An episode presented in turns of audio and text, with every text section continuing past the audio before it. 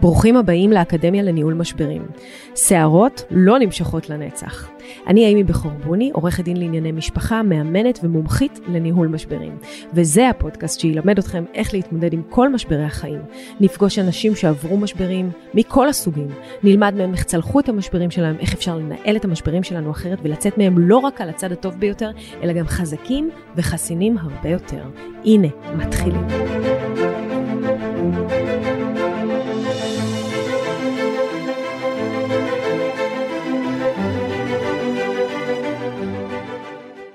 משפחות זה לא תמיד מה שאתם חושבים. לפעמים דברים נראים מהצד ואתם חושבים וואו איזה משפחה מושלמת ובעצם הכל שם ממש לא מושלם אפילו לא קצת. אני אספר לכם סיפור על משפחה אחת שבאמת היה אבא ואימא ושלושה ילדים והם אה, חיו יחד אה, קרוב ל-25 שנה, אבל במשך 15 אה, שנה מתוך ה-25 שנה האלה האבא ניהל רומן. אה, עם בחורה שכשהוא הכיר אותה הייתה בת 20, וכשהיא הגיעה אליי היא כבר הייתה בת 35. אה, והיא סיפרה לי בכנות אה, ובגילוי לב, בוכה ורועדת, היא אמרה לי, יש לי סיפור לספר, אני פשוט לא יודעת מאיפה להתחיל, אני גם נורא נורא נורא מתביישת, זה באמת לא משהו שגרתי, ו...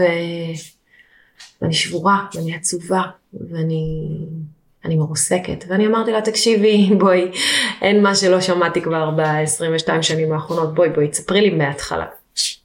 ואז היא פתחה ואמרה, אמ, אני לא יודעת איך לקרוא לזה, אני רק, אני, אני המאהבת של גבר נשוי כבר 15 שנה. אמרתי לה, אוקיי, שום דבר חדש שעוד לא פגשתי.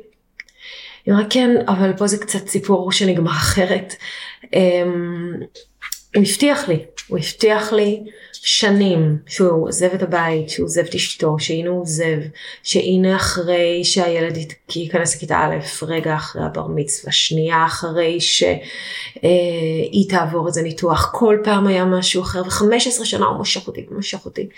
ולפני שנתיים אמרתי לו שאני לא, לא יכולה יותר, יש לי שעון ביולוגי מתקתק, אני בת 33 ודי, אני רוצה ילדים משלי. אה, הוא אפילו התחיל איתי טיפול הפוריות, הוא הסכים שאני אקפיא ביציאות, הוא אמר הנה שנייה, זה ממש קורה, זה באמת, אני, אני, אני שם, אני אוהב אותך, אני מגיע, אני רוצה. ואיכשהו הצליח ככה לגרור אותה ולגרור אותה ולגרור אותה עוד שנה ועוד שנה, באהבה מאוד מאוד מאוד עוצמתית. ובאמת אה, חצי שנה לפני היא החליטה שהיא לא יכולה יותר, והיא באה אליו ואמרה לו, תקשיב, זה הסוף, אני חייבת להמשיך לחיות. אני לא יכולה יותר, אנחנו חייבים להיפרד, ודי.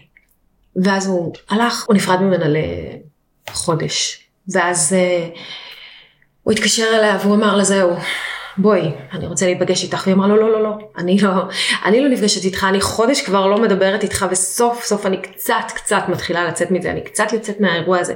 לך לאשתך, לך לילדים שלך, תעזוב אותי בשקט. והוא אמר לה, לא, לא, לא, יש לי הפתעה בשבילך, את חייבת, חייבת, חייבת להיפגש איתי. ואז היא הלכה ונפגשה איתו, והוא השמיע לה קלטת, שבה הוא אומר לאשתו שהוא נפרד ממנה, ושהוא... אה, סיים את הקשר ואשתו גם אומרת לו אני יודעת שאתה מנהל רומן כבר הרבה שנים מה הבעיה תישאר הוא אומר לה לא אני יודע שאת יודעת כולם יודעים שאת יודעת אבל אני לא נשאר אני נפרד ממך וזה הסוף ובאמת באמת לא הייתה מאושרת ממנה והיא כל 15 שנה חיכתה לרגע הזה. ולא רק זה, הוא הוציא מהכיס אה, זוג כרטיסי טיסה, ואמר לה, תקשיבי, אנחנו נוסעים לריזורט הכי מושלם בעולם הזה ביחד, אני ואת. ושם ארגנתי לנו יאכטה ומטוס פרטי. ובאמת, אני הולכת לעשות לך את הטיול של החלומות שלך, כי את חיכית לי כל כך הרבה שנים. ולא הייתה מאושרת ממנה.